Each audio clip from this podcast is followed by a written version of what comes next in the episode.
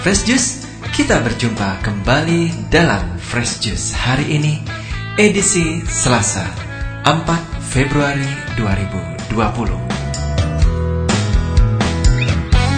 Bacaan dan renungan akan dibawakan oleh Johan Eng dari Jakarta. Semoga Fresh Juice yang kita dengarkan semakin menyejukkan dan menyegarkan jiwa kita. Selamat mendengarkan.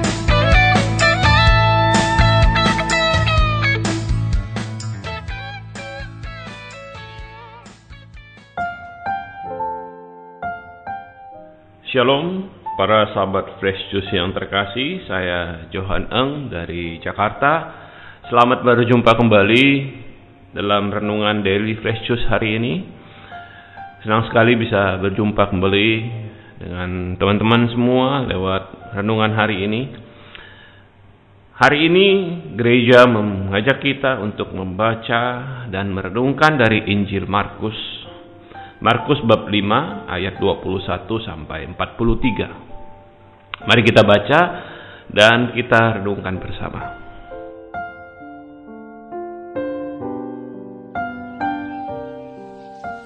Sekali peristiwa setelah Yesus menyeberang dengan perahu, datanglah orang banyak berbondong-bondong lalu mengerumuni dia.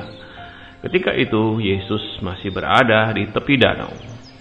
Maka datanglah seorang kepala rumah ibadat yang bernama Yairus. Ketika melihat Yesus, tersungkurlah Yairus di depan kakinya dengan sangat ia memohon kepadanya. Anakku perempuan sedang sakit, hampir mati. Datanglah kiranya dan letakkanlah tanganmu atasnya supaya ia selamat dan tetap hidup. Lalu pergilah Yesus dengan orang itu. Orang banyak berbondong-bondong mengikuti dia dan berdesak-desakan di dekatnya. Adalah di situ seorang perempuan yang sudah 12 tahun lamanya menderita pendarahan. Ia telah berulang-ulang diobati oleh berbagai tabib sampai habislah semua yang ada padanya. Namun sama sekali tidak ada faedahnya. Malah sebaliknya keadaannya makin memburuk. Dia sudah mendengar berita-berita tentang Yesus. Maka di tengah-tengah orang banyak itu ia mendekati Yesus dari belakang dan menjamah jubahnya. Sebab katanya, asalku jamah saja jubahnya, aku akan sembuh. Sungguh seketika itu juga berhentilah pendarahannya dan ia merasa badannya sudah sembuh dari penyakit itu. Dan ketika itu juga Yesus mengetahui bahwa ada tenaga yang keluar dari dirinya. Lalu ia berpaling di tengah orang banyak dan bertanya, "Siapa yang menjamah jubahku?" Murid-muridnya menjawab, "Engkau sendiri melihat sendiri bagaimana orang-orang ini berdesak-desakan dekatmu. Bagaimana mungkin engkau bertanya, siapa yang menjamah aku? Lalu Yesus memandang sekelilingnya untuk melihat siapa yang telah melakukan hal itu. Maka perempuan tadi menjadi takut dan gemetar. Sejak ia mengetahui apa yang telah terjadi atas dirinya, maka ia tampil dan tersungkur di depan Yesus. Dengan tulus ia memberitahukan segala sesuatu kepada Yesus. Maka kata Yesus kepada perempuan itu, "Hai anakku, imanmu telah menyelamatkan engkau. Pergilah dengan selamat dan sembuhlah dari penyakitmu. Ketika Yesus masih berbicara, datanglah orang dari keluarga kepala rumah ibadat itu dan berkata, "Anakmu sudah mati. Apa perlunya lagi engkau menyusahkan guru?" Tapi Yesus tidak menghiraukan perkataan mereka dan berkata kepada kepala rumah ibadat, "Jangan takut, Percaya saja. Lalu Yesus tidak memperbolehkan seorang pun ikut serta kecuali Petrus, Yakobus dan Yohanes, saudara Yakobus. Dan tibalah mereka di kepala di rumah kepala rumah ibadat. Dan di sana Yesus melihat orang-orang ribut, menangis dan meratap dengan suara nyaring. Sesudah masuk Yesus berkata kepada orang-orang itu, Mengapa kamu ribut dan menangis? Anak ini tidak mati, tetapi tidur. Tetapi mereka menertawakan dia. Maka Yesus menyuruh semua orang itu keluar. Lalu ia membawa ayah dan ibu anak itu dan mereka yang bersama-sama dengan Yesus masuk ke dalam kamar anak itu. Lalu dipegangnya tangan anak itu. Katanya, tali takum. Yang berarti, hai anak, aku berkata kepadamu, bangunlah. Seketika itu juga anak itu bangkit berdiri dan berjalan sebab umurnya sudah 12 tahun. Semua orang yang hadir sangat takjub dengan sangat Yesus berpesan kepada mereka supaya jangan seorang pun mengetahui hal itu. Lalu ia menyuruh mereka memberi anak itu makan.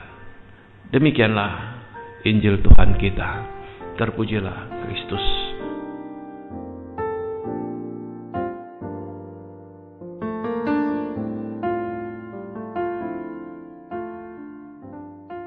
Para sahabat Yesus yang terkasih, hari ini bacaan Injil yang cukup panjang memberikan kita dua kisah tentang seorang kepala rumah ibadat bernama Yairus yang minta tolong kepada Yesus untuk menyembuhkan anak perempuannya dan juga tentang seorang wanita yang tanda kutip curi-curi disembuhkan oleh Yesus. Um, ketika membaca perikop ini saya langsung tersentuh dengan cerita tentang Yerus ini. Saya bisa membayangkan betapa galaunya seorang ayah yang anak perempuannya sakit keras bahkan sudah mau meninggal. Saya sendiri punya seorang anak perempuan yang berumur 9 tahun. Jadi saya bisa membayangkan betapa gundah gulana, betapa khawatirnya seorang ayah ini. Kebetulan yang uh, mungkin dia uh, dia seorang yang dihormati karena menjabat sebagai kepala rumah ibadat di masyarakat sana dan uh, saya bisa membayangkan bahwa semua hal sudah dia coba saya uh, mungkin dia sudah mencoba berbagai cara dan pilihan. Tetapi dan ketika dia mendengar tentang Yesus dia tersujud bersujud di depan Yesus. Minta Yesus menyembuhkan anak perempuannya. Di, di, di tengah gundah gulananya di tengah kekhawatirannya dia. Dan Yesus mau. Saya bisa membayangkan ya harus betapa bahagianya dia ketika Yesus mau menyembuhkan anak perempuannya itu. Meskipun di dalam perjalanan ternyata dia terlambat. Dalam perjalanan ada orang yang keluarganya datang dan mengatakan kamu sudah terlambat karena anak perempuanmu sudah meninggal. Tetapi Yesus memberikan harapan yang baru kepada Yairus ketika dia mengatakan saya jangan khawatir percaya saja dan Yesus kemudian melakukan satu hal yang sangat luar biasa satu mukjizat yang kalau mau dikatakan mukjizat yang besar ya, dan dia hanya mengizinkan beberapa orang saja menyaksikan ketika Yesus membangkitkan anak perempuan itu dari mati. Saya rasa Yesus saya tebak Yesus bersimpati ketika dia melihat seorang ayah yang begitu menyayangi anak perempuannya, begitu khawatir akan anak perempuannya itu dan dia sehingga Yesus bersedia membangkitkan anak perempuan itu dari kematian. Dan cerita ini juga saya rasa harus mengingatkan kita para orang tua yang khususnya para ayah bahwa kita menjadi um, model bagi anak-anak perempuan kita, terutama kita menjadi gambaran Allah bagi anak-anak kita. Kalau eh, kita berenungkan, kita akan sadar bahwa bagi anak-anak kita, mereka hanya bisa mengenal Allah, terutama mengenal Allah sebagai Bapa yang baik melalui kita, ayah-ayah, melalui kita sebagai Bapa duniawi mereka. Bagaimana mereka bisa mengenal Bapa surgawi kalau Bapa duniawi mereka tidak memberikan gambaran tentang Bapa surgawi mereka. Kalau kita Bapa duniawi tidak memberi menjadi contoh, menjadi model akan kasih, akan uh, cinta kepada anak-anak kita. Kita kita berdoa Bapa kami yang ada di dalam surga. Kita ingin anak-anak kita mengenal Tuhan, mengenal Bapa surgawi mereka. Tapi anak-anak kita hanya bisa mengenal Bapa surgawi mereka melalui kita, Bapa duniawi mereka. Saya pernah cukup lama melayani anak-anak muda. Bahkan sebanyak 15 tahun saya pelayanan full time buat anak-anak muda. Dan sering kali saya temukan anak-anak muda bahkan anak-anak muda dari keluarga Katolik